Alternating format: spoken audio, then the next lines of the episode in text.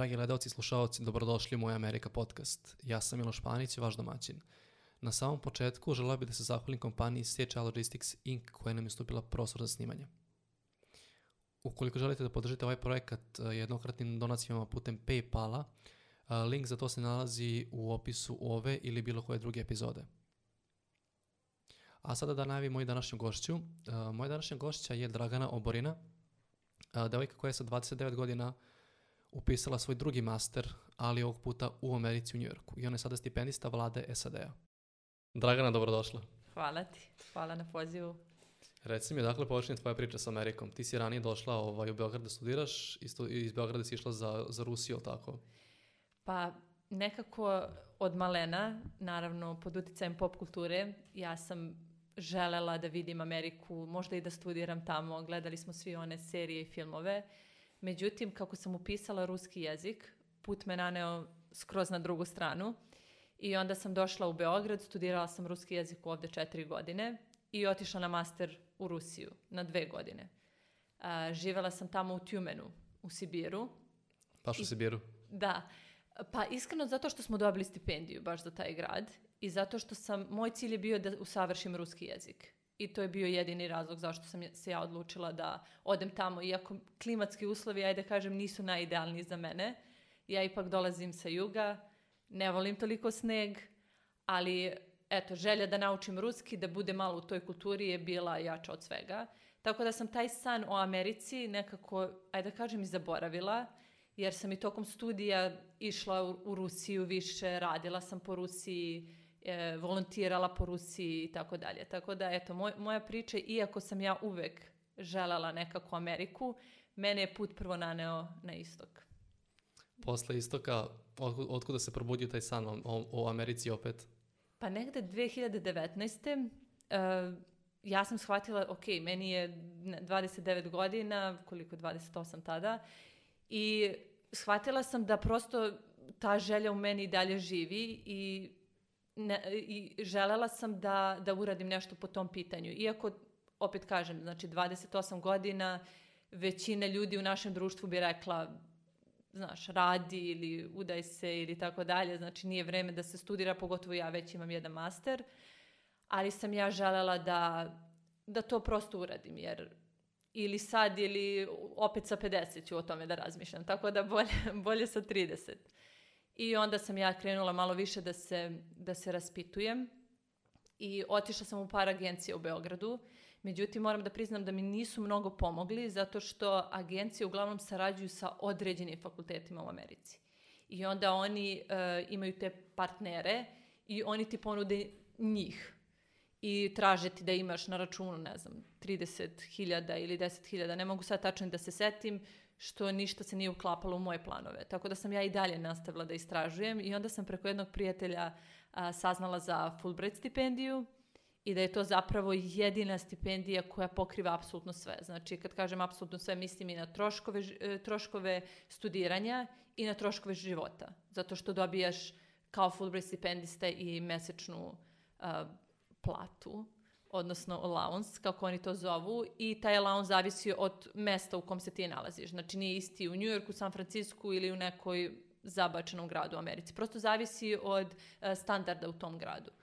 Tako da e, ja sam odlučila tokom, tada je krenula inače korona i to, je- to je jako zanimljiva priča zato što sam ja za stipendiju saznala negde sredinom marta, a kraj aplikacije bio kraj marta. I rekao, ajde, ništa da pokušam. Nije idealno za 15 dana tako nešto da se spremi, ali ajde da pokušam. I onda je krenuo lockdown. Oni nas zatvore tri meseca, a ambasada produži rok za prijavu Mhm. zbog svega.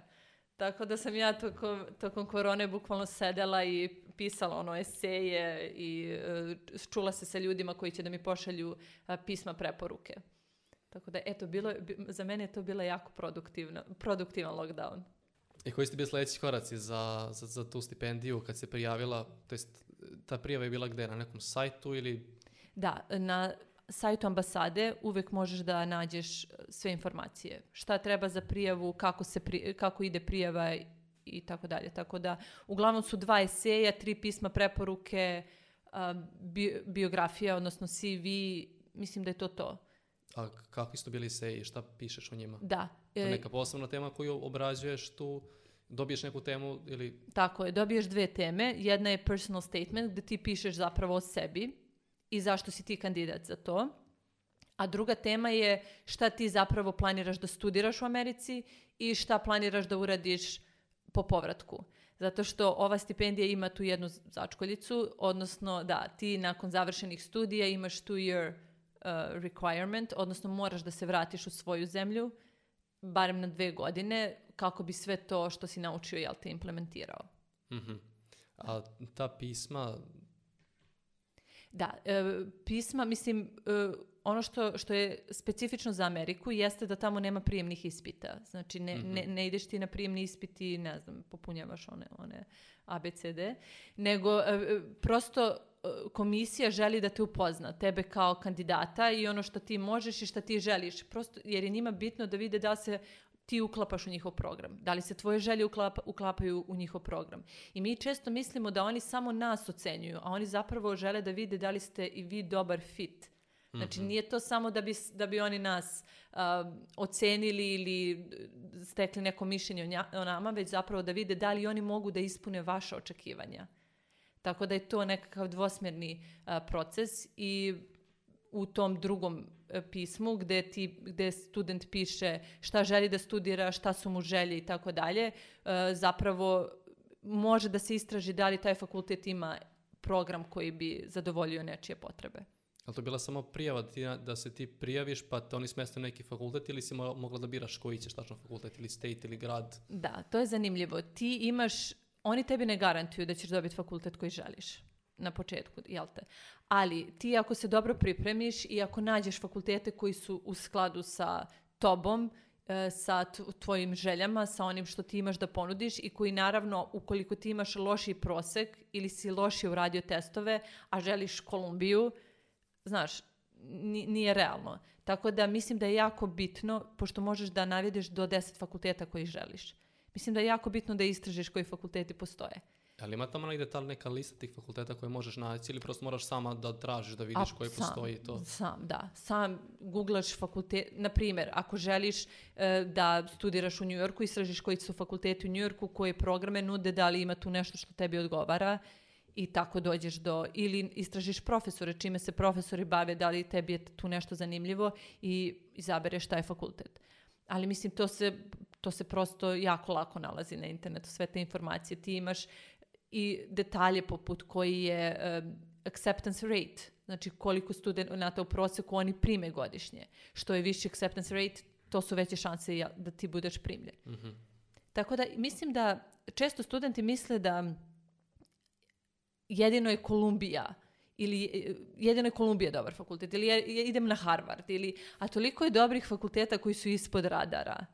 Jako mnogo dobrih fakulteta je ispod rado- radara koji imaju super programe, koji mogu ono da toliko ponude, koji imaju mnogo dobre opcije za inostrane studente, koji imaju dobre saradnje sa, na primjer, moj fakultet ima jako dobru saradnju sa ovom Fulbright stipendijom. I onda mi svake godine imamo jednog Fulbrightera. Ja sam 2021. Sada posle mene devojka iz Moldavije, pre mene devojka iz Ukrajine, tako da to, ja hoću da kažem da ima mnogo do- dobrih fakulteta koji imaju veći acceptance rate, koji ti daju veću ša- šansu da budeš primljen, samo treba jako dobro sve to istražiti. Jesi ti baš htjela da ideš u New York ili si baš htjela taj fakultet? Kako si našla taj, Da. taj faks uopšte? Ja nisam imala mnogo vremena da istražujem, tako da nisam temeljno istražila. Ono što, što su bile moje želje, e, to je istočna ili zapadna obala. Ja sam znala da ne želim ništa drugo. Ništa Midwest, ništa, ništa, ništa, da. E, Moja prva želja je bio University of Southern California u LA-u. Da, e, sad, sad, sad svi misle e, zbog LA-a. Ne, prvenstveno to je fakultet za komunikacije, taj fakultet je odličan, imaju odličan program, imaju odlične profesore. I naravno, LA je bio plus zbog klime prvenstveno, da, da se ne lažemo. Ali e, onda sam tražila i fakultete u Njujorku i oko Njujorka. da vidim koji su, koji su, kakvi su tamo programi. I Montclair je za mene bio fakultet koji je, nudi odličan program za komunikacije i njega sam isto navela na, na, na svoju listu i još par fakulteta je bilo tu. Mislim da sam Wa- Washington još dodala. I to je bilo to. Znači, LA, ja sam se sk- skoncentrisala na LA i uh, New York area i to je bilo to i dobila sam, ja sam zapravo dobila fakultet koji sam stavila na listu. Znači, to je prilikom aplikacije stavljaš te tu listu, Da, tako? Znači, da. treba ti ta pisma, treba ti esej, treba ti ta lista, šta ti još treba za, za tu prijavu? E, biografija, tri pisma preporuke, eseji i transkript ocena. Mm, Samo to je dovoljno za... Da. I to pošalješ tamo na nekoj aplikaciji, popuniš sve i koliko On- se čekaju ti rezultati za, za to? U principu oni ti ja- jave u recimo za mjesec dana najviše, čak možda i za kraće, da li si ti uopšte prošao u sljedeći krug. Mhm. Sljedeći krug je razgovor u ambasadi. Direktno odmah tako, znači nema ništa pre toga. Nema, nema. Sljedeći krug je baš razgovor u ambasadi i oni možda pozovu deset ljudi u ambasadu. Ali na čekaj, razgovor. li to razgovor bio, idem na viziranje ili sam na razgovor tamo? Ne, Aha, ne, okej. nego oni od deset kandidata koji, koji su prošli biraju troje. Znači na master se šalje, šalju tri kandidata, a na doktorske jedan. Mhm. I onda ovaj, ja, ja sam otišla u ambasadu i tamo ispred komisije oni ti postavljaju mislim slična pitanja šta želiš da radiš, zašto Amerika, e, zašto taj program, kako misliš da svo to znanje iskoristiš posle u Srbiji i onda posle završene, završen, mislim to je kratak razgovor, 15 minuta svega e, sa njima. Oni tebi jako nagla- oni tebi naglase da imaš, e, da ti neće možda dati fakultet koji ti želiš, ali ja opet kažem, ako se dobro pripremiš i kako možeš da dobiješ. I druga stvar jeste da ti naglase to da moraš da se vratiš u svoju zemlju po završetku programa. Mhm. I to je to. Mislim, završi se taj razgovor, opet ti jave da li si dalje prošao. Ako jesi, i ideš na dodatno testiranje, to je TOEFL i GRE. Znači, to nema potrebe raditi pre, zato što ambasada plaća. Mhm. Tebi znači, da. sada rešava sve. Tako je. Ambasada bukvalno rešava sve. Posle sve za vizu, to je sve preko njih, ti samo se tamo pojaviš, sve ide jako lagano. I oni plaćaju i vizu, plaćaju ti prvu kartu. Mislim, zaista, zaista je to sve glatko. Ono što nije glatko jeste da je put jako dug. Ja sam tek, ja sam aplicirala, ajde da kažem, u maju 2020. Konačan odgovor sam dobila u aprilu 2021 a u Ameriku sam otišla u septembru 2000 2021. Mhm. Ti, znači ti si bila prijavila tad, u, kad si rekla u martu, Ma, maju. Da ti si prijavila u maju i taj odgovor si čekala koliko dugo da ti stigne, taj prvi odgovor da ok, Prvi da ideš u odgovor- ambasadu. Prvi odgovor dve nedelje, tri. Mhm. Jako brzo. Jako brzo. Tek kasnije ide ovaj duži proces kada daš sve testove i tako dalje. Jer ambasada za- u tvoje ime dalje prosleđuje tvoju celu dokumentaciju i onda njihov saradnik u Americi šalje to fakultetima. Mhm. I to je to. I onda ti čekaš prosto odgovor od fakulteta, što bi svakako čekao i da sam prijavljuješ. E sad, ono što je zanimljivo jeste da u Americi ti kada se prijavljuješ za fakultete, prijave koštaju. 100 dolara, recimo, ili 50, ili 70. Znači, cijela to prijava na fakultet iziskuje određenu svotu novca. A ti kada ideš ovako preko stipendije, oni ti to sve pokrivaju. Tako da su troškovi kao troškovi jako manji. Mhm. Ako, ako radiš samostalno, moraš sam to da platiš. Znači, posle te ambasade, koliko si dugo čekala sljedeći neki korak? Posle ambasade, mislim da su mi to za testiranje jako brzo javili isto. I onda sam ja spremala testove dok su svi uživali na polju. U avgustu, sećam se. I zatim sam predala sve to i čekala jednostavno do aprila, to je to. Mada u 98% slučajeva oni tebi nađu fakultet. Uvijek će neki fakultet da te primi. Znači, neki od tih koji stavlja, stavlja na listu će svakako reći, je, ok, imamo prostora, može doći kod nas. Ili ako ne, onda će oni da ti nađu adekvatan fakultet. Jer ti ljudi već dobro znaju kad vide tvoj profil za koji si fakultet. Jesi onda posle u obavezi da prihvatiš taj fakultet ili možeš reći, ok, neću ne ništa? želim. Da, možeš. Znači, može ok. možeš. možeš da odustaneš ako ti se ne dopada. Znači, u aprilu si dobila, dve- 2021. u aprilu si dobila konačan odgovor da si primljena, tako? Da. Koja je tvoja bila prva reakcija? Kao, ok, kao, idem, idem na faks u New York. Kako Wow. si reagovala na sve to? Iskreno moram da priznam da sam bila uzbuđenija to kada sam čula da idem u ambasadu. Jer je, da, taj moment mi je bio wow. A kada sam čula da sam primjena, ja sam više toliko bila umorna od cijelog procesa da sam rekla, aha, ok, idem. Naravno, bila sam ja uzbuđena. E, Sve se izdešavalo brzo. Znala sam, ok, moram sad da iskoristim ovo vrijeme da provedem sa mojim ljudima, da uživam što više u Beogradu. I jesam bila jako uzbuđena, ali nisam ono kao vrištala kao što je to bio slučaj kada sam do, prošla u ambasadi, da. Tada sam ono baš, baš, baš bila, bilo mi je nerealno, zato što sam ušla u sve to bez nekih očekivanja. Samo sam poslala i bila sam šta god. Mhm. Ja znam da sam pokušala. Meni je bilo nekako bitno da sam ja pokušala, jer je taj, ta, ta ideja meni toliko dugo u glavi da sam ja znala da ja dugujem sebi da pokušam. I kada sam to uradila, sve ostalo sam onako prepustila. Neka se desi kako treba. I onda kada sam saznala, neverovatno je, zaista je neverovatno ostvariti nešto što ti je tako dugo, dugo ovaj, stoji tu na, u umu, u glavi. Da, u baš srcu. ono, to sam iz prve ruke, ovaj, to na svojoj koži sam osjetio tako neki mo- moment kad sam išao na work and travel, to je baš bilo, jako dugo sam želeo da odem za Ameriku, da odem za Ameriku i samo to i samo to i na kraju kad je to konačno počelo da bude, ono, tvoja viza je odobrana kao lepo se provedi kao tokom leta, on sam rekao ujebote, kao to je, to je to. Tako da mogu da, da, da skapiram taj moment da ti stvari ono, da nešto što si, što si stvarila, što si jako dugo maštala o tome, da je to zaista konačno se dešava, Da. da je osje potpuno, pot- potpuno neverovatan. E, to što si ti rekao za work and travel, ja sam uvek razmišljala kako ja tokom svog studiranja nijednom nisam otišla. Međutim, kao što sam rekla, totalno sam se okrenula ka Rusiji i onda sam skroz zaboravila i na tu opciju. I moram da priznam nešto, nisam bila ni okružena ljudima sad koji su išli, a naravno da okruženje utiče. Kad ti ode drugar, kad ti ode neko, poželiš i ti. I onda sam po završetku studija uvijek mislila, jao što nisam otišla.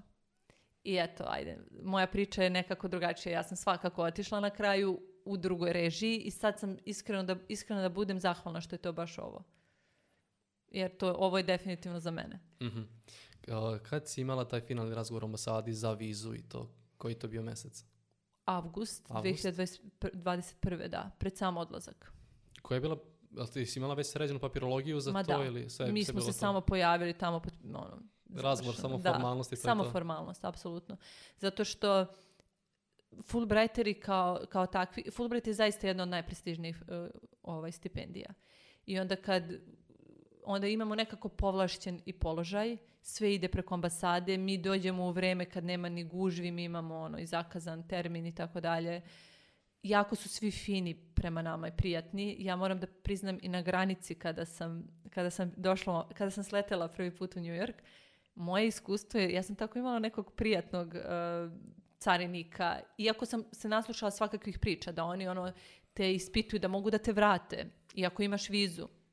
Oni su svi tako ljubazni. Ja često, oni mene često ništa ni ne pitaju. Samo me puste. Pa da, Da. klasika. Kada vide, ovaj, da.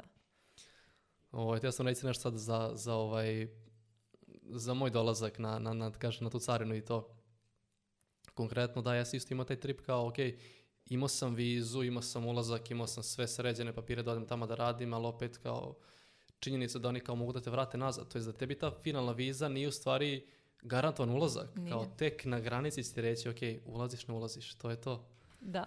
Tako da opet imaš, iako znaš da ideš, znaš da, da je sve super, opet imaš taj mali, malu dozu pritiska sa strane i anksioznosti kao da li ćeš ti stvari zaista ući u državu. Tako je. U grču Tako si da. prosto. Pa U grču si, ono, do zadnje trenutka ti zapravo ne znaš da li ćeš da, da prođeš. E, eto, kažem, u našem slučaju to, to sve ide jako glatko. vizu si dobila u, u avgustu, tako? Ta, ta ti stigla ili si... U avgustu je Da, stigla okej. viza, da, ja sam putovala već krajem avgusta za, za Aha. New York. Ja Znači sam- odmah po, po dolasku vize si Da, pasaš, u stvari Da. si, si otišla. da.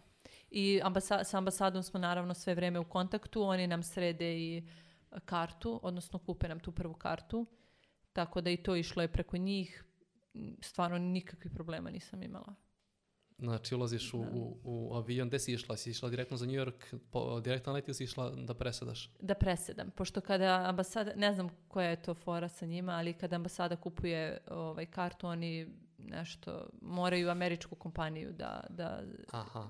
I onda sam išla preko Nemačke. Preko Nemačke. Ako sam dao pravo, da.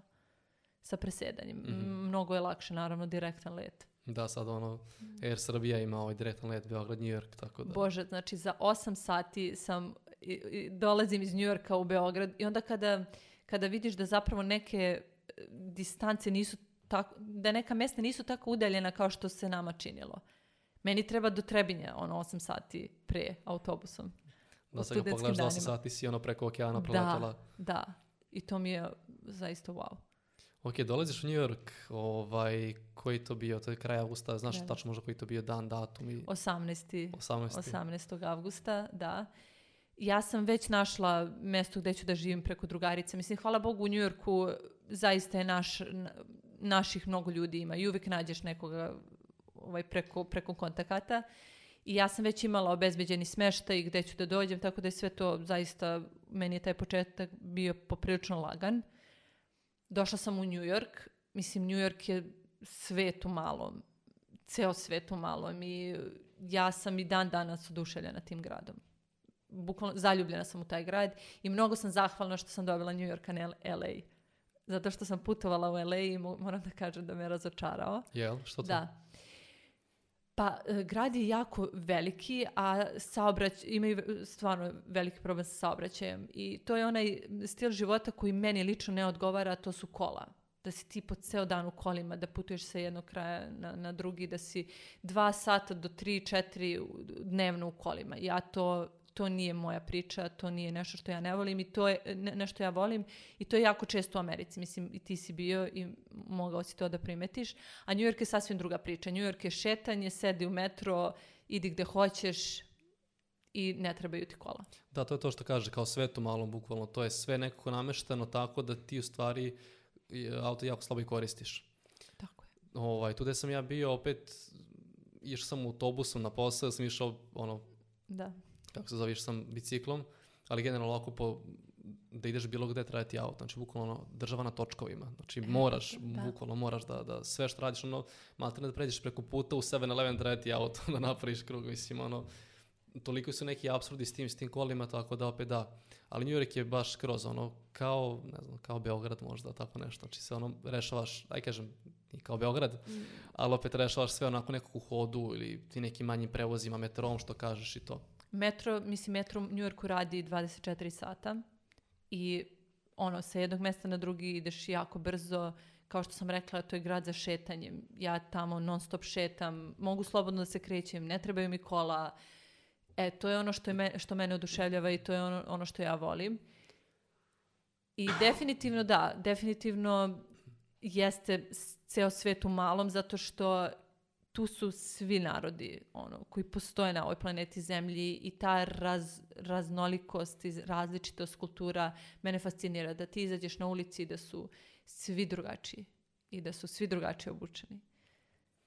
Zaista, da, zaista je neverovatno. Da, kad upore- uporediš neke druge statove ili gradove, opet dolaziš do toga da jeste to zaista ono multinacionalan grad, jer prosto on je sam po sebi bio ono eh, prva tačka za, za emigrante koji su dolazili je. iz Evrope kad Tako. je sve to počelo s tim migracijama za, za Ameriku. Tako je. Tako da samim tim počeo taj, to jest, i statua, ovaj, sta, statua kip, kip slobode Kip slobode, da. i donekle ovaj neki simbol ovaj, da kažem, Imigranata. da, te I neke da su slobode, svi te neke migracije. Tako je. Apsolutno, ono, nebitno ni ko si šta se desi, samo ono, kaže, što, što se kaže, naši smo. Tako je, da. Zaista to jeste ono grad u kome se osjećaš prihvaćeno, slobodno, budi šta jesi, radi šta hoćeš.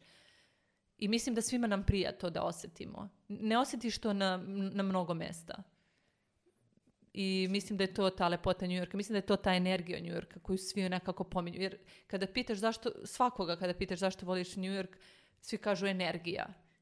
Teško je nekada objasniti, ali ja mislim da je to baš ta različitost, raznolikost da i da apsolutno možeš da budeš šta god ti želiš i oslobađajuće je. Da, gledao sam neke youtubere koji su ovaj, počeli da rade tako neke poslove nebitne, ono, od burgera do ovoga do onoga, pa su posle, ono, kažu lik ide na posao ujutru, radi to, posle podne, znači radi dva posla, prepodne jedan radi posao, drugi radi posle podne, posle tog posla, ja kažem iz neke firme ili šta god je radio, ima svoj biznis da je prodavao neke majice, znači opet, ono, imaš tu neku energiju da bukvalno radiš šta god poželiš, da ti niko ništa ne kaže, niko ti ništa ne može reći. Ono, znaš, to je već kod nas malo drugačije. Iako ta kultura opet dolazi kod nas da radiš ono stalno puno i sve to da gradiš i, i da praviš puno stvari za neko kraće vreme, Da. ali opet je ipak New York je tu ono, Pa, na prvo mesto. To, to je isto zanimljivo što si rekao. Mislim, tamo je jako dosta i umetnika, ljudi koji se pokušavaju da se probiju i u glumi i, i plesu i tako dalje. I onda oni sa strane zarađuju, rade neke posliće, a rade na svojim snovima. Znači, jedno ne isključuje drugo. Radim ovo da bih plaćao račune, ali radim ono što želim, jel te, gradim neke svoje snove. Da li je to ples, ja sam živjela sa profesionalnom plesačicom, pa znam. Da li je to gluma, jako dosta ljudi ode tamo jer želi da se probije na toj sceni. Ne znam, modeling i tako dalje. Mhm. Da. Da, kod nas je ovaj nekako to da gradiš svoje snove pored tih nekih svojih poslova koje radiš maltene kao kod nekih čak i ne zamisle, neki prosto ne mogu da zamisle sebe kako ne znam, rade neki posao, dođu kući, rade nešto drugo za sebe. Neki samo prosto ono ili mogu raditi za sebe ili raditi za neko drugo, ali kao ne mogu oba istovremeno, što opet opet da kažem, to ne, donekle to mora da se osjeti. Ja sam recimo radio u Americi dva posla, pa sam vidio koje su moje granice i koliko mogu da stignem. Zato danas radim to što radim i opet postižem sve to što postižem. Tako da opet, Ja mislim da generalno i putovanja i život u stranim zemljama mnogo nas nauči da, da vidimo da neke stvari ne moraju da budu kako mi mislimo. Ti kada odra- odrastaš u jednoj sredini ti zapravo samo pratiš one ljude pre tebe. Šta su oni uradili, koliko su oni, e, kako oni razmišljaju, kako oni žive i tako dalje. A ti kada putuješ ili kada još bolje živiš van, ti zap- zapravo vidiš, aha, ovi ljudi skroz drugačije razmišljaju. Ovi ljudi, evo ja sam imala priliku i u Kini da živim. Mislim, Ki- Kina tebi eksplodira ti mozak, mislim, kako oni rade neke stvari. Ja ne kažem nužno da je to e, dobro ili loše, ali je drugačije. I ono što sam ja uzela iz svega toga je, aha, može i drugačije. Aha, ne mora ovako. I to je ono što mi je New York pokazao. Ne mora tako. Može i ovako. Može i ovo i ono. Može i o- ono što ti nikada nije palo na pamet. I ono što opet hoću da kažem i da naglasim da ja tamo kada sam otišla, ja nisam otišla samo zbog fakulteta. To je jedna stvar mislim, koja mi je omogućila vizu, koja će sutra, jel ti, da mi pomogne u karijeri i tako dalje. Ali iskustvo života u Njujorku, dve godine u Njujorku, mislim, to lobotomiju napravi. da, pritom, to- što, pritom što je plaćeno sve, tako da ne, Da, ne moraš da. da. radiš ništa maltene. Ne moraš da radiš ništa, ne moraš da razmišljaš o financijskom momentu. I ja mislim zaista da ja kao student i stipendista imam jedan od najlepših doživljaja New Yorka. Nisam tamo otišla da zarađujem i da radim 15 sati dnevno i, tako dalje. Tako da ja zapravo imam vremena da uživam u New Yorku, da posmatram New York, da gledam ljude tamo. Išla sam na, ne znam, časove glume, išla sam na časove plesa, u- idem, ono, da istražujem grad, da se gubim u gradu, da... I, i zaista mislim da mi je, da, da imam jedno od najlepših iskustva, iskustava New Yorka. Definitivno. Apsolutno, da. Da. Kad si došla, ovaj, rekla si da si imala svoj smeštaj, jel tako? To si imala si već re, sređeno napred. Da. Gdje je te bio smeštaj? Koji deo grada? Zanimljivo, da, pitanje. Uh, u početku sam bila na Astoriji. Asta, da. Da, ko svi, ne svi zna, naši su tamo, da. Da, ko ne zna, to je, mislim, kraj gde, gde su uglavnom uh, balkanski narodi, mislim, svi naši. Srbi, ima dosta Grka i tako dalje. Moram da priznam, mislim, Astorija je lepa. Le, lep, lepa je, um, bezbedna je, tako da mi je to bilo ok. Međutim, jako sam, u- ubrzo sam prešla na Manhattan. Opa. Da, da. I sada sam na Manhattanu i jedna, jedna zanimljiva činjenica, ja sam upoznala našeg čovek, mislim čovek koji je iz Srbije i on predaje na Kolumbiji. Igrom slučaja smo se upoznali, on je tražio cimera, tako da sam ja sada ovaj, od septembra, ono, mi smo cimeri, živimo zajedno. I mislim, to je, život na Manhattanu je drugačiji. Tu zaista imaš priliku da upoznaš ono pravi njujorški način života. Koji je to deo Manhattana? A, o, kod Kolumbije zove se Morningside Heights. Ali, da, iznad Upper Westa. Uf, sad si mi baš rekla. Da, pa uglavnom mislim imamo Upper East, Upper West, to je sa istočne ili sa zapadne strane Central Parka. Sa istočne je Aha. Upper East, e, sa zapadne je Upper West Mhm. i onda gore e, još ka, više tamo ka Harlemu, to ima deo Morningside Heights pored Kolumbije. Mhm. I jako je lep, jako je lep kraj. Ono što je u New Yorku jako bitno, mislim jako, jako je bitno u kom kraju živiš. Zašto? Zato što zbog sigurnosti. Da, to je pre svega u New Yorku je to. Čuo, Da. čuo sam baš neke momente kad su ljudi prosto ono pljačkali na ulici i ono, kao vadi nož, kao vadi sve. Ja moram da priznam da se ja osjećam, pošto me dosta ljudi to pitalo, čisto da naglasim, ja se u New Yorku osjećam jako sigurno, zato što znam, znam krajeve, znam gde da se krećem, gde da se ne krećem i ima jako dosta policije na ulici, na ulicama. I onda osjećam se sigurno. Nije bio slučaj u San Francisco kada sam bila, jer tamo ima jako mnogo beskućnika koji su često u grupama. I onda kada sam slučajno otišla na ovaj, u centar, onu njihovu čuvenu ulicu i kad sam ih videla, znači ono, odsekle su mi se noge. U Njujorku jeste, beskućnici su problem, mislim problem. Neprijatno je vidjeti, ja i dan danas mi nije, nije mi svejedno kada vidim i iskreno žao mi je da, da vidim da tako neko živi, ali, ali se osjećam bezbedno. I uvijek je mnogo ljudi, uvijek ni- nikad nisi sam, tako da ja, moje iskustvo što se toga tiče je pozitivno. Ovako, stalno putuješ negde po, po New Yorku, stalno bilaziš neka nova mesta ili imaš neke lokacije da si obišla osim, da kažem, Times Square-a, Empire State-a i Central Parka, naravno. što si duže tamo e, izbegavaš turistička mesta, više Aha. obilaziš, da, više obilaziš te mirnije krajeve. Da, bila sam, mislim, moj cilj jeste da što više upoznam, da upoznam te ulice gde ljudi ne zalaze, mislim, i imam vremena naravno za sve to. Moji omiljeni krajevi su ipak taj Upper Manhattan, u smislu Upper East, Upper West, tu je manje turista, mirnije je, ima jako slatkih mnogo onako kafića, restorana. Central Park naravno, mislim, obožavam. Naročito taj gornji deo, gde opet nema toliko turista. Brooklyn također prelep, eh, Prospect Park divan, opet i manje, u Brooklynu opet manje turista nego što je to slučaj s Manhattanom. E, eto, to su, to su negde moji omiljeni krajevi. Već ono donji deo Manhattana, Soho i, to je ludilo koliko ljudi ima. Mhm. Otići tamo vikendom je ne preporučujem. Eto, ta, toliko Haos, ću da da. kažem. Da, da. Mravinjak, Znači, bila si tamo dole, ono, pratila ste situacije i to. da. Mravinjak je prosto ono, jako mnogo je ljudi. Zaista. Turisti koji, koji hoće da obiđu sve, pa onda kao vikend slobodan, pa ajmo negde, ajmo New York, ajmo ovo, ajmo ono, što Amerikanci, što neki koji su tu internacionalno došli da rade, da putuju, da na fakultet, šta god. Da, i praznici sada u New Yorku. Da, sad pogotovo za Božić Sad je to. ono, ja mislim da je New York čak najposećeniji, najposećeniji gr- grad za novu godinu, za Božić. I mislim, svi nekako žele da vide New York u to vreme i nepodnošljivo je otići u taj u, u grad, u centar. Misliš da je to od o, influensa od ovoga samog kući filma? Da, mislim da je sam u kući definitivno doprineo. Definitivno i generalno filmovi, mislim, jako dosta filmova je ono Nova godina. Opet ono Times Square on, ovaj to Da, slavljenje nove godine, famozni doček na Times Square-u. Ja sam imala ideju da to uradim, međutim neki e, jako razumni ljudi su me e, su mi rekli da, da ne bi trebalo to da radim zato što tamo moraš da dođeš jako rano ujutru, da nađeš mesto i da provedeš 15 sati mislim smrzavajući se, ne možeš da odeš ni, ni do toaleta, poneseš svoju hranu. Uopšte nije tako glamurozno kao što deluje na TV-u. Naprotiv. Ali opet misliš da bi možda trebalo otići bar jednom u životu na takvu neku ekspediciju?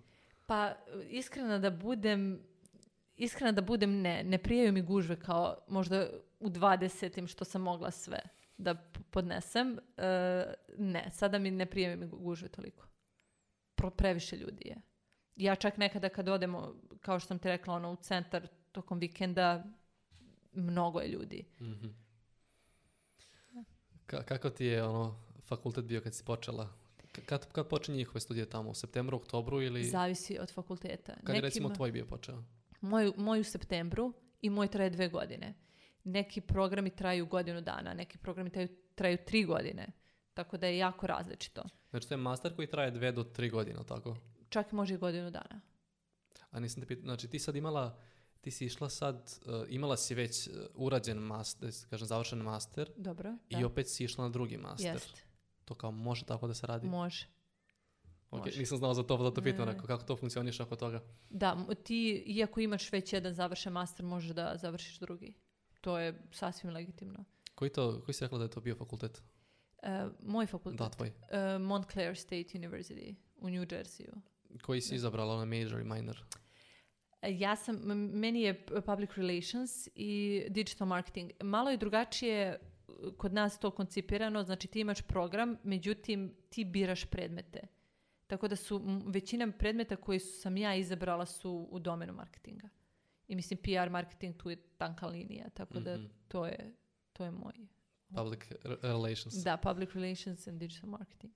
Ok, kako ti je bili, kako ste bili tip neki prvi dani na fakultetu tamo? Dolaziš, isto bilo ono kao da ti neki alumni provodi kroz, kroz sve to ili moraš sama da tražiš, e, idem tu, tražim to ili imaš, da kažem, ne- negde predočeno donekle gde Da. i kome se obraćaš, gde su ti predavanja, gde su ti vežbe ili šta god imaš, ili moraš ono sama da, da, da ja moram, ja moram da pohvalim Ameriku, moj fakultet, što se tiče tih uh, uslužnih delatnosti, mislim korisničnih usluga, customer servisa. To sve je tamo jako glatko ide i ta birokratija. Ja u životu nisam upoznala ženu koja se bavi uh, internacionalnim studentima. Ona meni pošalje šta treba na mail, ja njoj to dostavim na mail. Mi nemamo, nikada se nismo, kao što kažem, videle i, ta- i tako dalje. Oni se, su se meni odmah javili nakon što sam primljena na fakultet, pom- pomagali mi preko maila za bilo kakva pitanja, za smeštaj, nudili, uh, ukoliko sam imala neka pitanja za predavanje i tako dalje. Tako da mi svi imamo tamo našeg academic advisora, znači osobu koja je zadužena za nas, ko nam pomaže u biranju predmeta, ako imamo neke probleme, opet se obraćamo toj osobi. Tako da sve je zaista bilo glatko. Ja sam bila oduševljena. Ja sam bila oduševljena da ja ne idem do oglasne table da vidim kad je, kad je neki, šta se od mene očekuje i tako dalje. Tako da oni, oni zaista imaju taj ceo sistem eh, koji radi za njih gde si ti sve na vreme obavješten šta treba da dostaviš, sve ide preko maila, kao što sam rekla, ide glatko. E sada, ja kada sam došla na fakultet, ono što je zanimljivo, oni biraju predmete mnogo ranije. Znači, ja, sam bira, ja biram predmete, s- mislim, u novembru za sljedeći semestar. Za proletni semestar. Ili u maju za jesenji semestar. Tako da se ranije se biraju predmeti koje želiš. I kada sam počela, kada su počela predavanja, nisam imala studenta koji me provodi, ali sam imala sreću da imam grupu koja je jako komunikativna, koj, gde smo svi nekako od starta sar- sarađivali, e, gde smo odmah napravili svoje grupe, ono da se čujemo. Također imamo platformu gde nam se kače š- koja su očekivanja od nas, e, šta sve treba da uradimo i završimo tokom samog semestra. Uopšte nema, nema, nemate taj trenutak da da vas neč- nešto ne dočeka, da vas nešto dočeka nespremnim. Ja unapred znam, on, imam silabus, imam šta, je, šta se sve od mene očekuje i tako dalje. Tako da sve jako, jako, jako dobro organizovano, samo ću to da kažem. I em, možda, je, možda je bilo, tek kada sam došla, bio je taj moment kada dođeš u, u to okruženje gde su svi ono Amerikanci, gde pričaju savršen engleski, ti se naravno osjećaš malo, da kažem, lošije. Da li ću ja uspeti to da iznesem na tom nivou na kom oni? Razumeš, ja dolazim iz skroz druge sredine.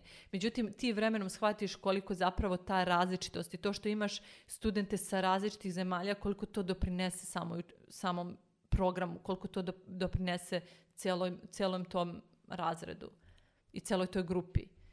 Tako da je zaista sada kada, kada vidim početak mi jeste bio težak, ali sada sam se toliko uhodala da ono, mislim da, da bih mogla bilo što. Jesi znala jezik onda na početku ili si imala... Ne, ne, ne, mi svi moraju da znaju eng- engleski jezik. Mi imamo i A da, ima, testiranje. Da, da, da, to, TOEFL, da. E, Mora da se zna engleski. Mislim, zaista doći tamo, a ne znate engleski, ja ne znam kako neko to može. Mislim, ne znam prvo da li je moguće. Naravno, postoje fakulteti koji imaju manje kriterijume što se tiče engleskog. Znači, oni dozvoljavaju da ti na TOEFL-u imaš 60, što je jako nizak rezultat. Ali kako se tad, sada ti ljudi snađu, ja ne znam, ali hoću da kažem da je moguće. Čak i sa lošim engleskim. Mhm. Sad kad si rekla to za engleski, ovaj, za startu, da to bi sve bilo malo onako loši i sve to, onda vidiš koliko je stvari bolje da ti budeš, da kažem, uh, u nečemu možda uh, najgora, ali da su oko tebe baš super u tome.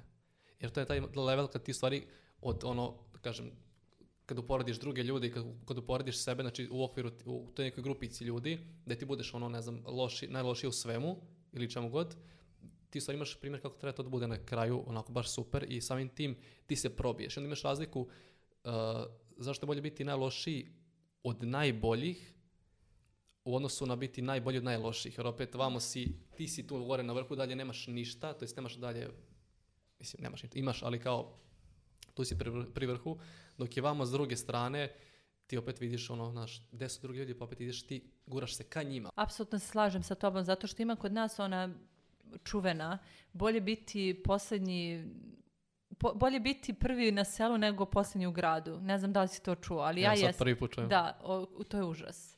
Ja to apsolutno ne podržavam. Ja zaista mislim da je to što si ti rekao, mnogo je bolje otići u grupu ili biti u okruženju koje je mnogo bolje od tebe.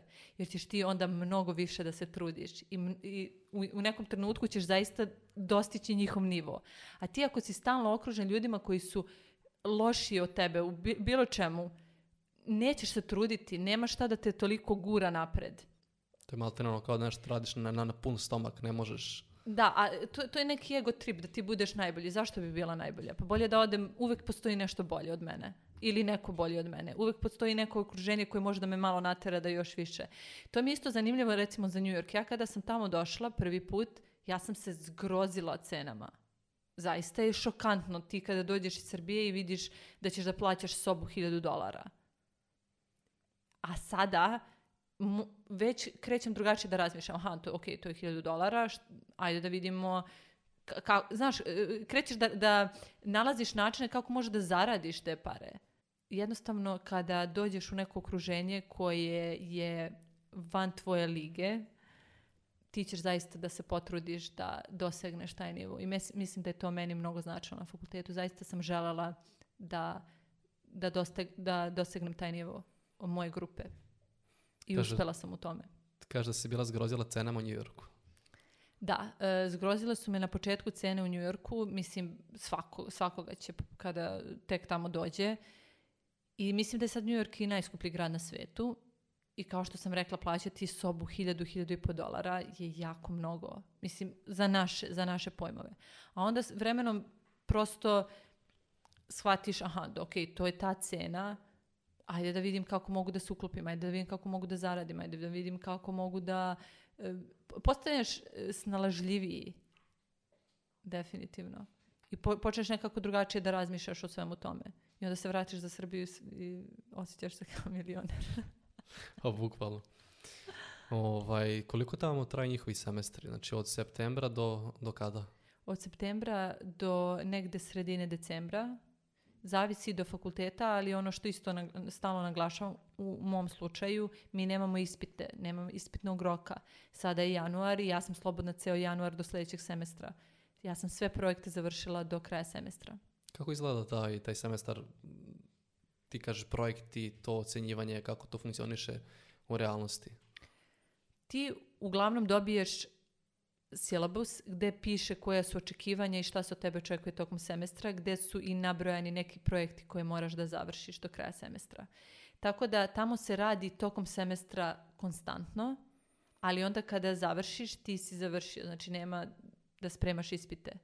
I onda ti znaš do kada su ti rokovi, kada moraš da napišeš taj rad, kada moraš da napišeš ovaj, taj rad i ti to uploaduješ u određenu platformu i ocenjen si na osnovu svih tih projekata koje završiš. Ono što mi je bilo jako interesantno, a to je da profesori tamo stalno ističu mi smo ovde zbog vas. Mi smo ovde da biste vi uspeli. I ono što je moj profesor rekao ovaj semestar mi je fascinantno i voljela bi da svaki profesor i svaki mentor to kaže, a to je ja vas ne ocenjujem u odnosu na druge. Ja vas ocenjujem na odno- na, u odnosu na vas juče ili prošli čas. Prosto gle- gleda tvoj napredak. Ne gleda, aha, vidi njega, on to ne zna, a ovi svi ostali znaju. Pa da, ali nije ista startna pozicija. Neko je u nečemu talentovaniji, neko je u nečemu bolji, neko je nešto već radio ili o nečemu već znao. Mi smo imali, na primjer, to predavanje i taj pro- to predavanje javni nastup gde smo imali ljude koji se bave javnom nastupom, imali smo ljude koji imaju veliku anksioznost kada treba da nešto ispričaju pred drugim ljudima. Pa makar to bilo predstavljanje, makar morali ono da kažu par reči o sebi, a svi nekako znamo da kažemo nešto o sebi, zar ne? I onda da ti ocenjuješ, zamisli da ti ocenjuješ te dve osobe po istom kriterijumu, mislim, to je suludo. Ono što oni treba zapravo da ocenjuju jeste naš progres, naš napredak, koliko smo se mi zapravo potrudili, koliko smo mi uradili.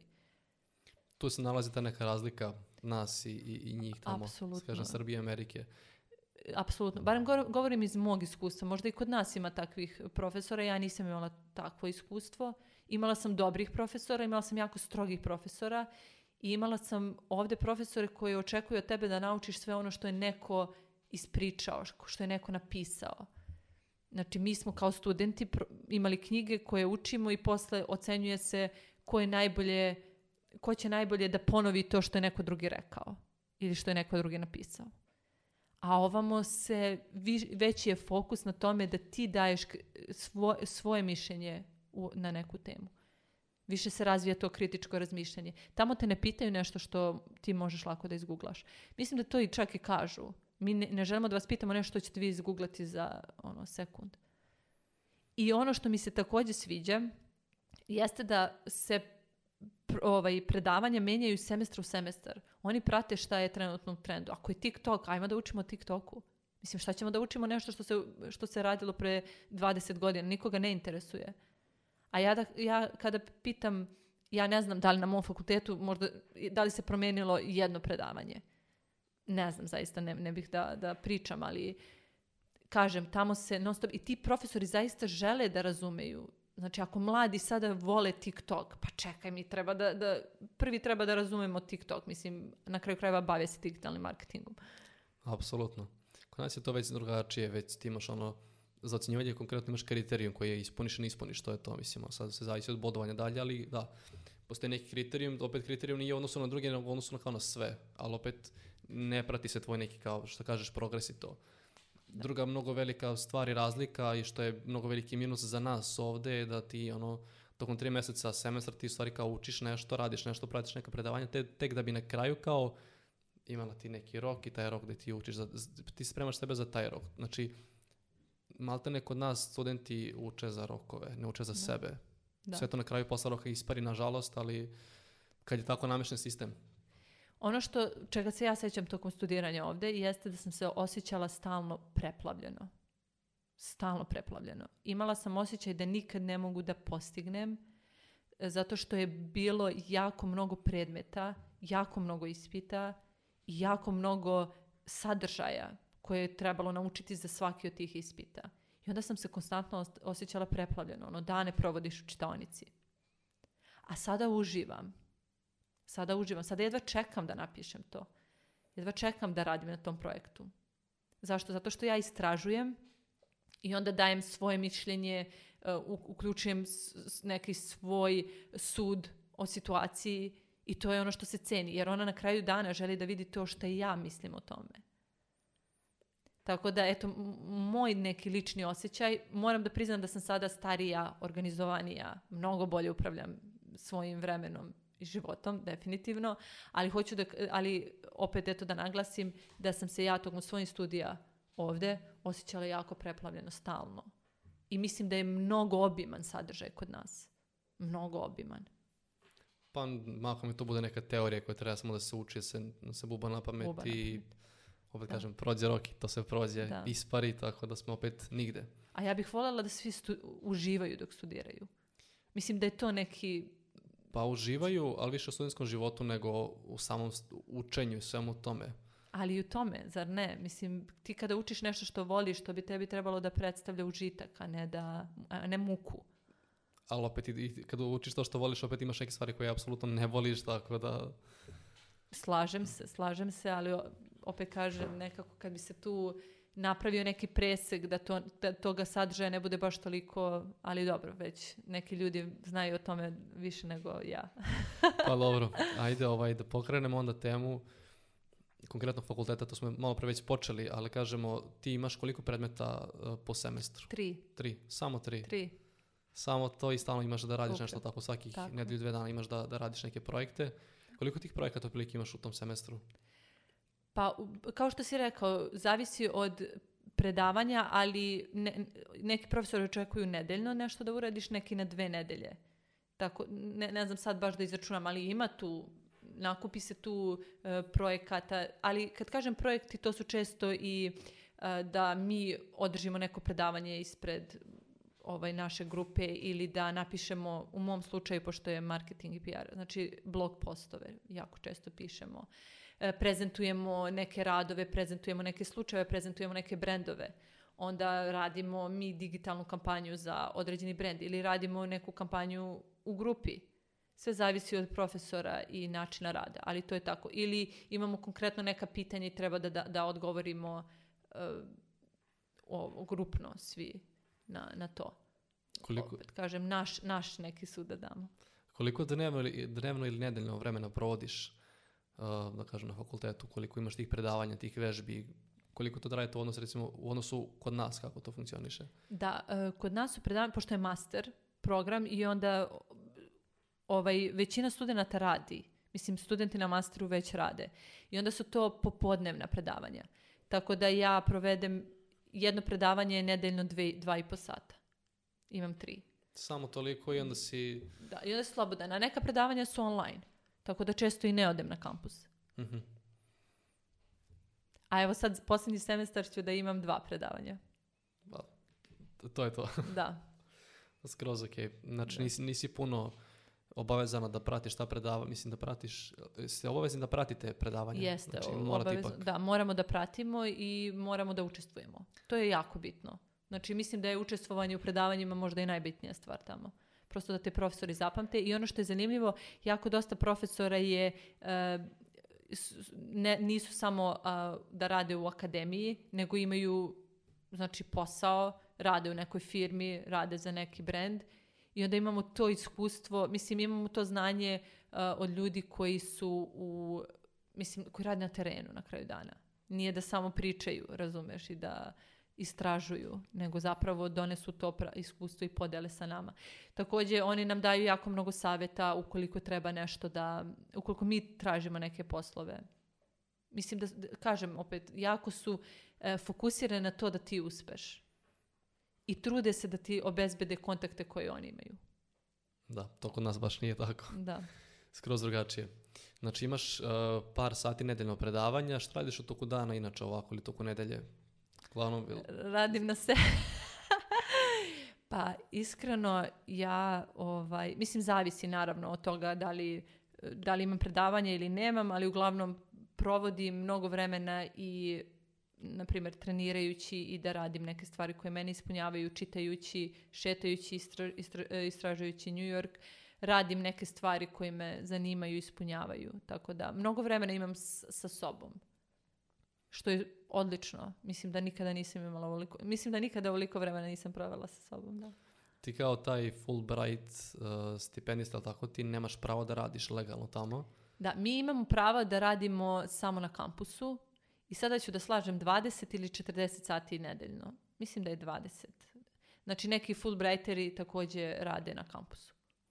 Jel to moraš imati neki papir da možda radiš, neki socijalni broj ili prosto samo, ili imaš neki dokaz, ok, imam to, mogu da radim tu ili Ukoliko, mislim ti se dogovoriš sa svojim advisorom ukoliko je potrebno ili ukoliko ima neka prilika na kampusu, onda oni tebi naravno srede i broj, social security number, tako da ti radiš po tim brojem. Mislim, da.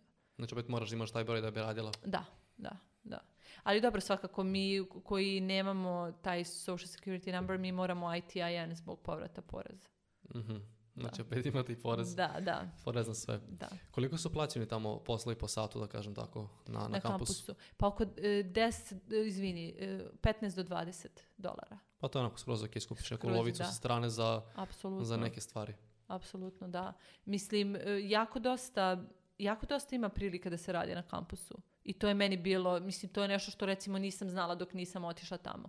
Jako dosta internacionalnih studenata dobije priliku da radi na kampusu, da rade kao asistenti, na primjer, da pomažu profesorima i, mislim, i sa vežbama, sa predavanjima, da ocenjuju neke logističke stvari da pomažu, tako da ima tu, ima tu jako dosta prilika. Ako isto još poslovi osim tog, da kažem, asistenta, te logistike to, ili imaš nešto... Pa konkretno, evo mogu da, da kažem, kod nas znam da im, ima par ljudi koji rade društvene mreže, na primjer, za, za našu katedru. Mhm. Da, to je Da, skroz, je skroz super. Zanimljivo, da, da. Ovaj, znači, ti si tu već u, u Americi, to jest u New Yorku si već godinu i po dana. da.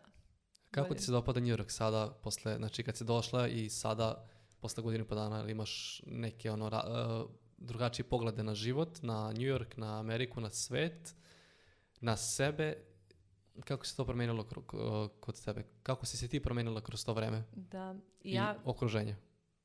prvo ono što sam rekla, meni je New York, znači, zaista sam zaljubljena u taj grad i mnogo ga volim i mnogo sam srećna što sam baš dobila priliku da budem tu, a ne na nekom drugom mjestu.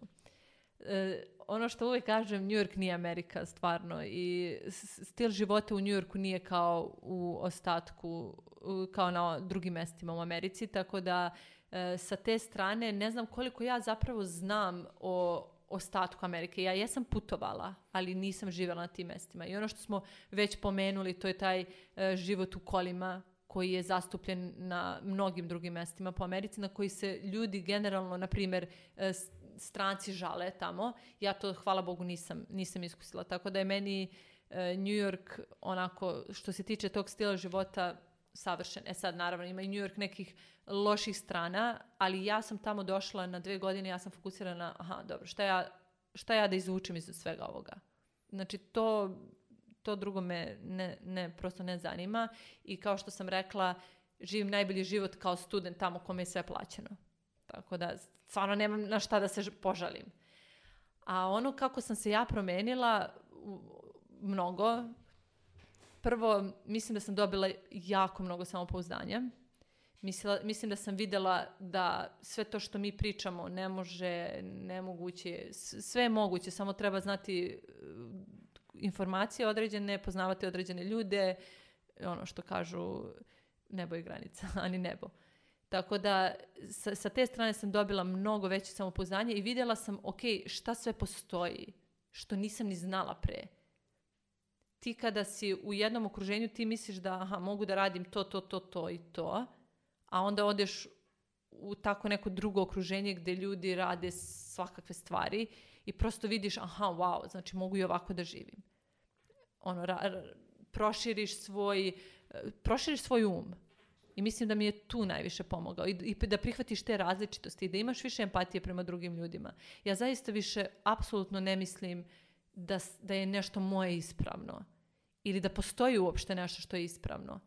To što ja smatram da je ispravno, neko drugi smatra ono, ludošću. A mi često volimo da kažemo, e ne, bonton je ovo, ovo, ovo, jer sam ja tako rekao ispravno ti treba da radiš to, to i to i to, jer ne znam, deset generacija to već unazad radi.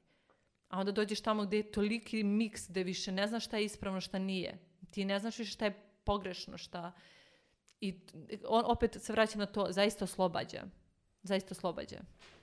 U razgovoru iza kamer malo pre smo pričali ovaj, o Fulbright stipendiji i uopšteno studiranju, studiranju u Americi.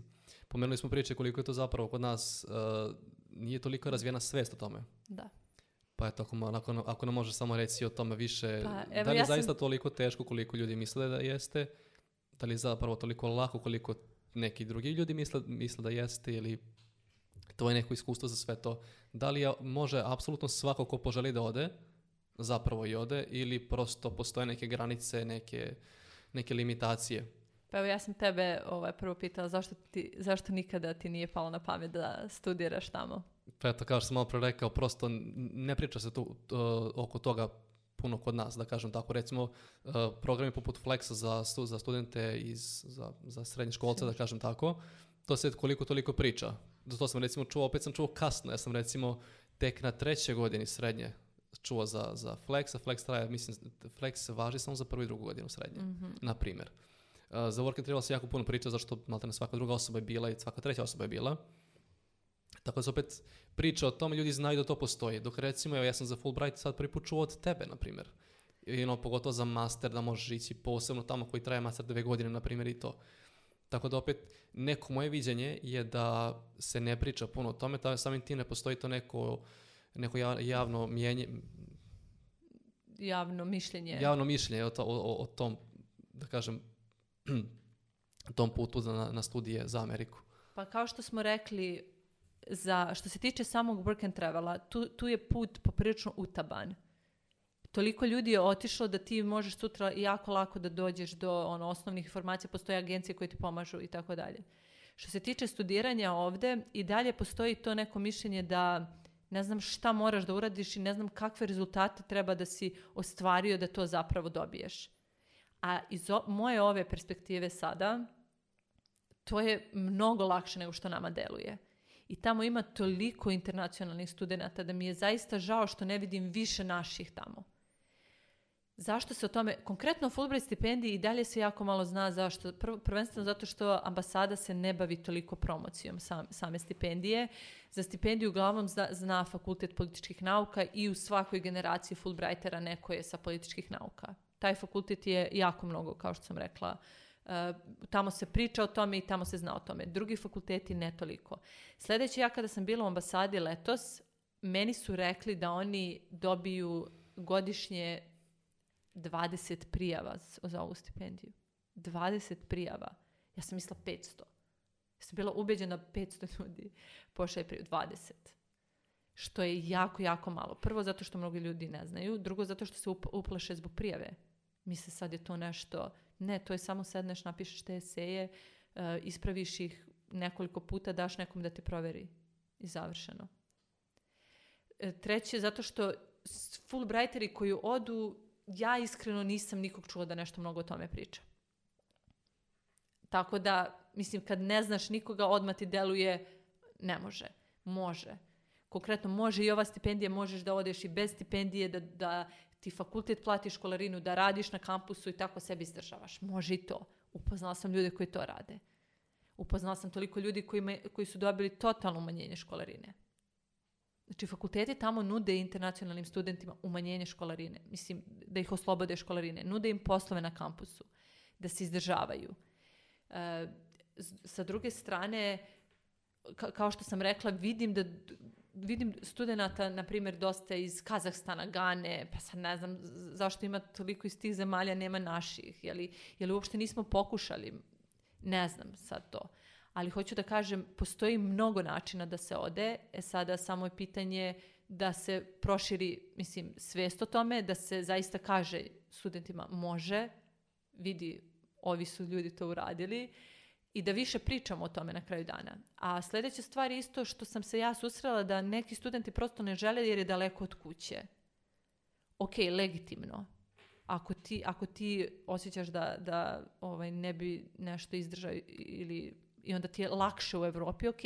Ali ako zaista te kopka i želiš da vidiš i ako si zaista sanja o tome, veruj mi, snaći ćeš se. Uopšte ti neće to biti toliko teško kao, kao što ti deluje. Na kraju krajeva uvijek može da se vratiš, uvijek tvoji su tu, čekaju te.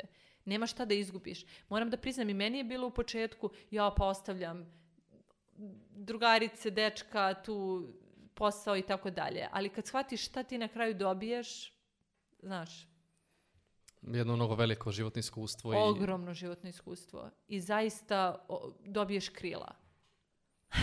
Da, to je recimo, ti si išla sama, jel tako? Znači nik- niko nije išao s tobom tamo. Ne. To je vrlo bitna stvar da se kaže isto. uh, ljudi koji odu, odu sami na toliko dalek put. Mislim, ja sam bio, išao sam pa znam, opet upoznao sam sebe.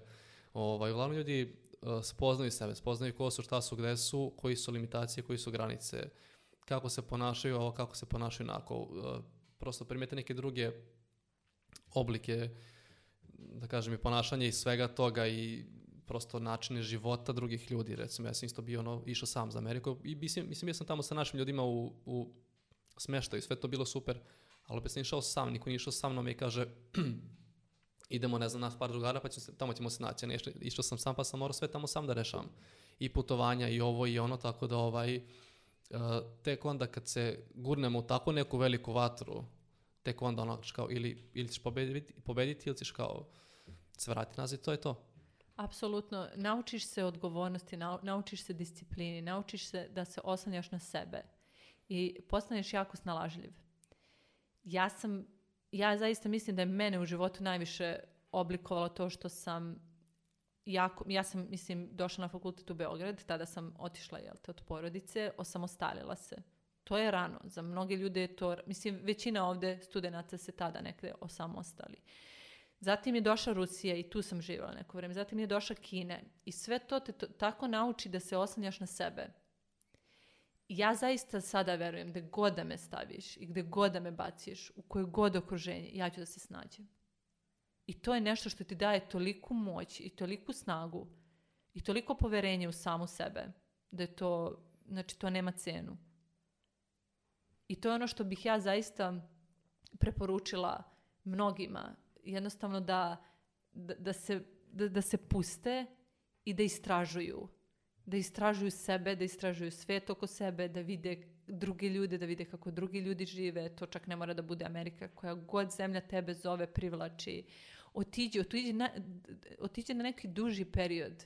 Putovanje. Čemu te putovanje nauči? Putovanja su divna, ali ti provedeš ono 15 dana mislim, sve ti je plaćeno, šalim se, ono, turistička mesta obilaziš i tako dalje. Ali kad živiš negde, kad moraš da se oslanjaš na sebe, kad moraš da shvatiš, aha, čekaj, kako da otvorim bankovni račun ovde, kako da, ne znam, kako da naručim ovo, kako da kupim ovo, kako da platim račune, kako da e, zaradim ovde.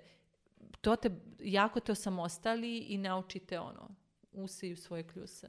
Pa tako se gradi celokupno to iskustvo. Kako da ovo, ok, to tako funkcioniše, to je prvi stepenik. Kako da napravim banku, na- napravim bankovni račun, to je sledeći stepenik. Pa sledeći stepenik, pa tako hilju stepenika i se okreneš kao, ok, Wow. vidite da sam ja dogurala, Da. dogurao kako god. Da. Tako da to je to neko iskustvo koje ti možeš vidjeti jedino samo ako odeš negde preko. Da. Da. ako ne moraš preko, mislim, možeš onda da promeniš uh, tvoj trenutni ovaj, uh, tvoje trenutno okruženje. Da li to bilo došla se iz nekog mesta ne znam, iz neke unutrašnjosti došla u veliki grad, opet i to te donekle promeni, ali opet gledaš da iz tog grada opet ideš dalje negde kako bi opet sebe gurala dalje, jer opet do malo pre ti je taj odlazak, ne znam, iz Trebinja za Beograd bio kao mnogo veliki korak, sad kad pogledaš, jeste, ali to je bio samo jedan, jedan Smešno. mali korak, odnosno na sve ostalo, na, iz Beograda za Rusiju, iz Rusije za Kinu i posle za Ameriku. Kad pogledaš svi ti neki koraci, opet sebe koliko toliko, to jest koliko toliko, opet sebe jako puno izgradilo svemu tome. To su bila bukvalno različita iskustva, jer e, ne, ne funkcioniše sve isto, ne znam, u Trebinju i u Beogradu, i ne, fun- ne funkcioniše ni malo isto i u Beogradu i vamo negde u Rusiji, u, pogotovo u Sibiru i recimo ti nekim krajima, a ne u nekoj Americi. Da. Ja iskreno zaista verujem da su iskustva nešto najdivnije što postoji na ovom svetu i da treba ići po iskustva. Bilo da je to iskustvo work and, tra- work and travela, bilo da je to iskustvo studiranja negde, bilo da je to iskustvo da odeš ono na neki duži put na Nepal. Uh, men, meni je tu negde poenta svega. I kao što sam rekla, i ovo studiranje je zaista jedno veliko iskustvo i nešto čega ću zaista da se sećam i nešto što me toliko promenilo na toliko nivoa da da ne znam, zaista ja, ja iz mog ugla bih svima to preporučila. Tako, znači što više iskustva, to je bolje. Da. Prosto, što iskustva životnog ovako, što iskustva s nekih poslova. Ok, ti ćeš raditi, Da. ne znam, na primjer nekom kafiću, Uh, ako, si ti, ako si ti na tom nekom mjestu gde bi samo radila da bi, eto, ne znam, uzela neki keš i to, ti to opet nemaš neku vrednost od toga. Znači, tebi cilj da si u štini izvučeš uh, najbolje od toga što može, znači, recimo da budeš najbolje o tome što radiš, Tako je. da bi tek kasnije možda to iskustvo uzela negde dalje. Ja, ja iskreno, ja nisam tip osobe koja je sa dve godine znala čime želi da se bavi u životu. Imamo takve ljude, imamo dosta primjera, jednostavno znaju, to im je strast i bace se u to i odlični su u tome. Ja sam neko koji je mnogo istraživao, ko, se, koji je mnogo morao da, da, da pogreši, da proba, da pogreši, da proba, da vidi nije to za mene, da oseti frustraciju kada shvati da sam negde provela četiri godine, a to ipak nije za mene, da idem dalje, da budem hrabra, da, nas, da promenim smer, iako je svima ludo, eh, da odem na studije sa 29 godina, iako je mnogima to zvučalo suludo opet, ja sam taj tip. I ja volim što sam takva, takva, ne znam, ne znam, ne mogu da zamislim drugačije sada. Tako da ta, taj vid istraživanja je nešto što nam zaista pomaže da vidimo aha, da li želimo u tom smeru ili u tom smeru ili želimo da promenimo smer ili da uzmemo, da, da nastavimo tim putem koji smo izabrali. Jer znam mnogo mladih koji se stalno preispituju. Da, apsolutno ispituju se i gde su, šta su i ko su i šta traže u životu i šta traže od, od posla, od, od Da. hobije, svega toga. Mislim, ti sa 18 godina doneseš odluku čime ćeš da se baviš u životu. Šta ti zapravo znaš sa 18? Ne, šta znaš, ti uopšte ne znaš da postoje neke prilike. I onda ideš onim utabanim stazama u smislu šta je šta su pričali u tvom okruženju, za šta si čuo, šta ti deluje simpatično. A zaista ne, ne znaš šta još sve postoji. A tek kad se tamo izložiš negdje, kad čuješ a postoji i ovo i ovo i ovo, tek onda ti bude jasnije čime ti zapravo želiš da se baviš. Tako da je to krenuti jednim putem pa vidjeti da si pogrešio i skrenuti, to je toliko prirodna i normalna stvar. A mi od toga pravimo bauk. Kao pa uči, studirao sam četiri godine. Ja sam šest ruski. Pa ja, ja i dalje znam ruski. Ja sam presrećna zbog toga. Ja znam jedan svetski jezik. Ali ja neću da, da budem rob odluci koju sam donela sa 18 godina i sad ja jedno što mogu da radim jeste da predajem ruski. Ne. A inače, isto jedna stvar koja je zanimljiva, od nas pet internacionalnih studenta na mom programu četiri pričamo ruski. Jel? Da. Kazahstan, Moldavija, Azerbejdžan i ja sam, da, Srbija. To je to, Jedan- samo da. ruski. Da. I Ukrajina, da. E, prosto smatram da ne vrednujemo neke veštine koje su jako, jako bitne. Prva, komunikacija. Kako komuniciramo jedni sa drugima u poslovnom okruženju, kako komuniciramo sa porodicom, prijat- prijateljima, partnerom. Pisanje. Pisanje je jedna veština koja ti pomaže prvenstveno da upoznaš sebe da upoznaš zašto nešto radiš, zašto nešto voliš da radiš, zašto nešto ne voliš, zašto neš, nešto nisi ostvario, a želiš. Ko danas piše? S- niko, redko ko. Mrzi nas. Kompjuter koristimo. Ko, da, Samo otkucaj. samo kucamo i tako dalje. E, Sljedeća, i ono što ja mislim da je mene jako, jako pomoglo u životu, to je engleski jezik. Nauči engleski jezik. To je svetski jezik danas. E, engleski jezik je mene doveo do fakulteta, doveo me do Rus sigurno negdje i do Rusije, doveo me u Kinu, jer sam ja prvenstveno i ovaj posao dobila u stranoj kompaniji, znači znajući engleski jezik. I sad mi mislimo to se podrazumeva. Ne podrazumeva se. I dalje jako veliki broj mladih ljudi ne govori engleski jezik. A to je zaista nešto što je danas preko potrebno. Posebno ako ti želiš da radiš ovaj, u nekom globalnom okruženju ili ako želiš da radiš za stranu firmu, što ne bi imao tu priliku ako možeš? Ako želiš radi za svoje. Ali ako, mislim, treba da imaš više prilika. No, nekako nauči engleski jezik. Upoznaj druge ljude. Upoznaj druge religije, nacionalnosti. e, obogati se. Obogati se tim iskustvom. E to je ono što, što bih ja zaista svima...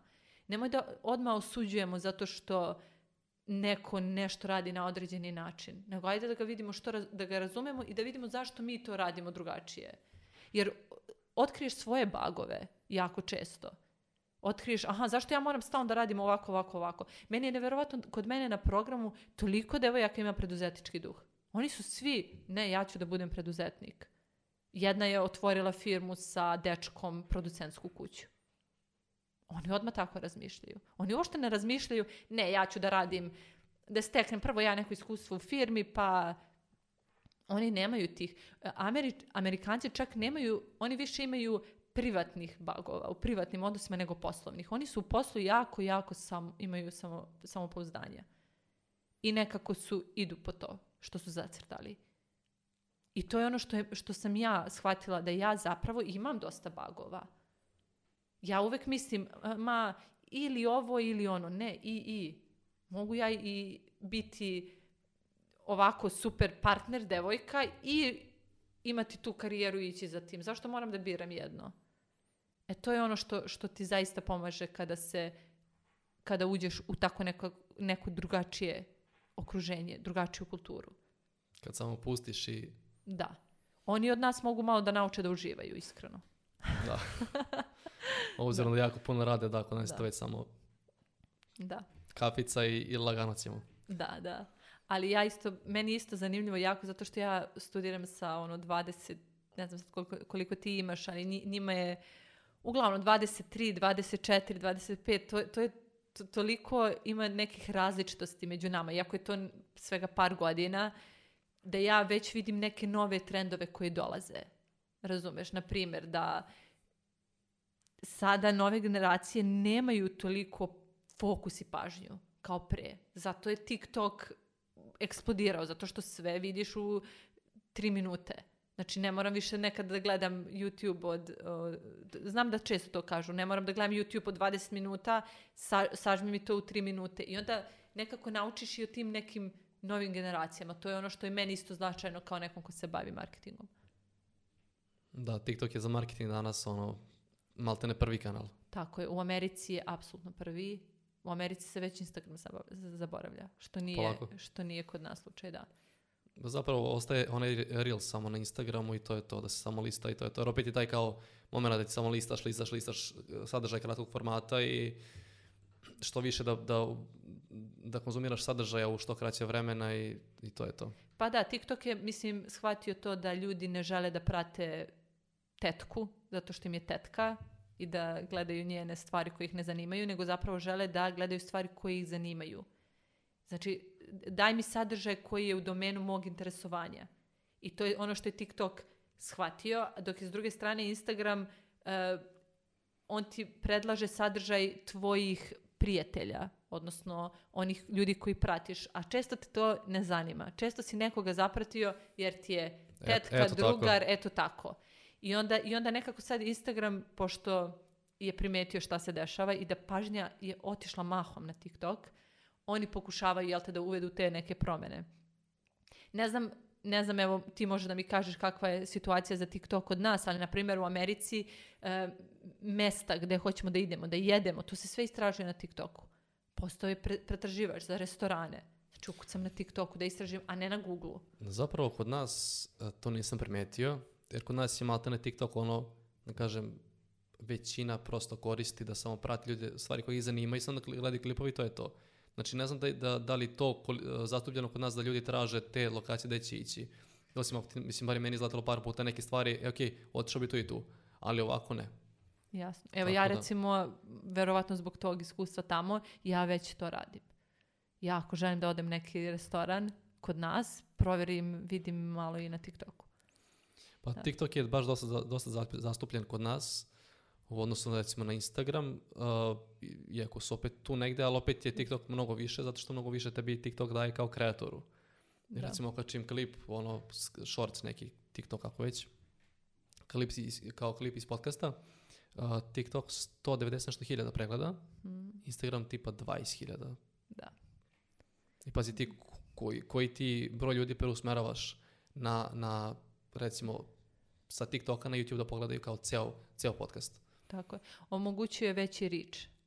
Daleko reach. veći reach. Da. I sa druge strane, Instagram je postao negde kao i neki reklamni, reklamna platforma gde je jako mnogo uh, plaćenog sadržaja. Što još uvijek nije slučaj sa TikTokom.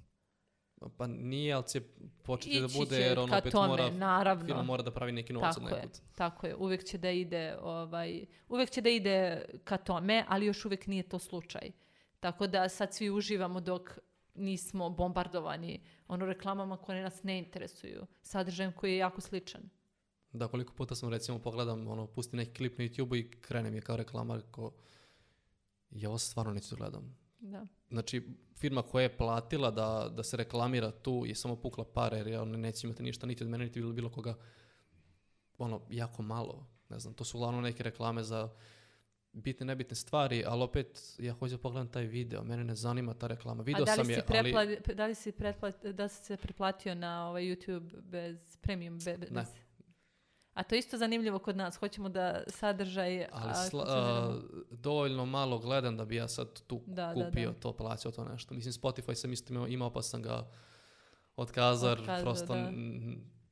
nisam toliko u tome. Jesam, ali Ne, ne toliko. Da, YouTube e, je nešto što bih ja sigurno se preplatila bez reklama, zato što zaista cenim YouTube kao mrežu i cenim, mislim, i te, i ovo što ti radiš i ljude koji rade ovaj duži tip sadržaja koji iziskuje jako mnogo vremena. Jako mnogo vremena opreme, za razliku od TikToka gde ja mogu ono da, znači Da. sa telefonom da snimim nešto za tri minute, ispričam i pustim u etar. Ovo zahteva zaista mnogo više ulaganja. I vremenskog i finansijskog. Naravno. Da, da. Tako da svaka čast. Ajde za kraj da podvučemo paralelu ovaj, života u Srbiji, Rusiji i Americi. Kulturološke neke razlike. Kulturološke razlike, da. E, ovako, što se tiče što se tiče Rusije, ja moram odmah da naglasim da sam ja tu žive, da sam živjela u Tjumenu. Tjumen je veći grad, možda kao Novi Sad, ali ipak provincija, znači nije Moskva. A ovam u Americi živim u Njujorku, tako da malo poredim babe i žabe u tom smislu. E, međutim, postoje, postoje neke velike razlike. Ajde kažem, Rusi, ko, Rusi su jako zatvoren narod. I treba jako mnogo vremena da prođe da bi te oni zap- zapravo prihvatili i da bi, te, da bi te prihvatili u svoje društvo, da bi ono, brinuli o tebi, komunicirali sa tobom i, tako dalje. Međutim, onog trenutka kad se ti njima dopadneš, oni zaista tu da, da urade sve za tebe. Jako vole duboko umne teme, da filozofiraju o životu. Mislim, zato imaju naj, ono, najjače pisce i kada vole da čitaju, vole umetnost. I u metrou, to uvek pomenem tu paralelu, u metrou u Moskvi vidjet ćete ljude kako čitaju u, u, me, u metrou, da. Provode vreme čitajući i to mi je uvek bilo fascinantno i divno. Sa druge strane, u Americi, mislim konkretno u Njujorku, opet se vraćam, da ne bude zabune, u, a, a, New York je mnogo, mnogo dinamičniji. I to je ono što meni prija. Znači u Rusiji je sve bilo nekako sporo, zbog vremenskih neprilika, društveni život trpi, viđamo se ono, kod, nek, kod nekoga u kućama, hladno je, oblačiš se ono slojevito i tako dalje. Meni to ništa nije prijalo. Znači zaista vremenske vremenski uslov, uslovi gde je sneg šest meseci je meni pokvario celokupno iskustvo, ali Rusi kao Rusi su bili jako, jako srdačni prema i meni i, i, ovaj, i mojim ostalim drugaricama. Što se tu, tiče Njujorka, Njujork je dinamičan. Njujork je, ono, iza, u Njujorku nijedan dan nije isti. Makar ti radio sve isto. U Njujorku stalno vidiš te različite ljude, stalno si inspirisan, pun energije, želiš više, bolje, tako da s te strane je jako, jako zanimljiviji. I stil života je dosta zanimljiviji. A, ali sa druge strane, sa Amerikancima je jako teško naći zajednički jezik. Zato što zaista jesu dobri onaj, ono što, što se kaže za njih small talk. Oni vole to sa tobom na nekoj površini, e sad dubinu, nemoj, ne, nemoj mnogo da me, da, da, da me zamaraš, odmah nekako beže, kao da im je neprijatno. Tako da, eto, to bi bila neka moja e, osnovna para- paralela i to da je u Njujorku, mislim, kapitalističko društvo. Mislim, tamo je samo da se kupuje, kupuje, kupuje. I tamo ako vidiš nekoga u metrou, to je uglavnom, ljudi su onako, dobro, ajde, to je metro, pa su ljudi onako svi uh, umorni, ali Amazon je tamo broj jedan, zato što jako cene komfor. Jako cene da ne izađu iz kuće, a da im sve dođe na, na vr- vrata. Jako su zauzeti i ti tamo da se nađeš sa nekim moraš da isplaniraš to dve, tri nedelje unapred i jako mnogo rade. Mislim, ja kada pričam sa mojim, sa devojkama sa kojima studiram, one kažu da one od 15. godine imaju tri posla. Od 15. godine. Znači, odmah ih uhvati u tu mašinu da ti moraš da radiš i da ti svoju vrednost vidiš kroz rad i kroz svoje uspehe.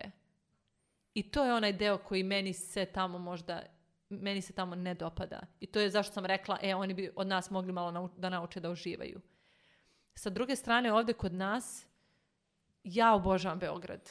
I Beograd je definitivno moj grad i obožavam da se vratim ovde. Obožavam naše ljude. Mislim da ono samo što, što je kod nas onako tipično jeste to da se žalimo, a ništa ne preduzimamo. ok, žali se ti, ali ajde da nešto uradimo. Ajde da popravimo to što nije dobro. A nekako više volimo sam proces žaljenja. Tako da, eto, to su, te, to su neke paralele, ali definitivno smo narod koji može da se snađe bilo gde. Zaista imamo tu, tu, tu neku uh, jačinu u sebi i, i volim, to, to je isto zanimljivo, kada smo pričali o koroni na fakultetu ja kažem tokom lockdowna kod nas da su ljudi izlazili. Da, da su ono, se nalazili, izlazili. I oni su me pogledali u Americi kao mi nismo izašli. Znači nama su rekli ne, lockdown, ne možete da izađete i oni to su poštovali do koska. Znači oni se uopšte ne suprostavljaju tome što im vlasti kažu. Tako da mi imamo taj neki motiv gde se ne plašimo. Meni su oni mnogo plašljivi, iskreno. Oni one maske, znaš, nosi i dan danas. Plaše se ono bakcila, nešto će da im se desi. Tako da, mnogo su mi plašljiviji do, od nas, iskreno da budem. Tako da volim taj naš duh koji se, koji onako ide, ide po svom i nije, nije tako lako uplašiti. Ajde tako da kažem. Ti imaš uh, i svoj blog? Da. Ja sam, pre nego što sam otišla za Ameriku, obećala sebi da ću da pišem o tome, zato što ja lično nisam mogla da nađem nikoga da podeli neko svoje iskustvo i to me mnogo usporilo i to me mnogo, jel te, frustriralo i nerviralo. I onda sam sebi obećala, ok, ako dobijemo ovu stipendiju, ja ću da otvorim blog i da se potrudim da pišem. Moram da priznam, priznam nisam aktivna koliko bih htela, aktivnija sam na mrežama, ali svejedno mislim da znači ljudima da čuju da čuju nečije iskustvo i da zapravo vide da to nije uopšte toliko nemoguće kao što se nama kao što se nama čini. Samo ne, nemamo, nemamo dovoljno informacija i nismo pri, pričali sa pravim ljudima. Dragana, hvala ti što si bila gošća Moja Amerika podcasta. Hvala ti na pozivu i mnogo mi je drago da smo imali priliku malo da podignemo svest o studiranju i životu u Americi. Slažem se. A mi se vidimo u nekoj narodnoj epizodi. Ćao!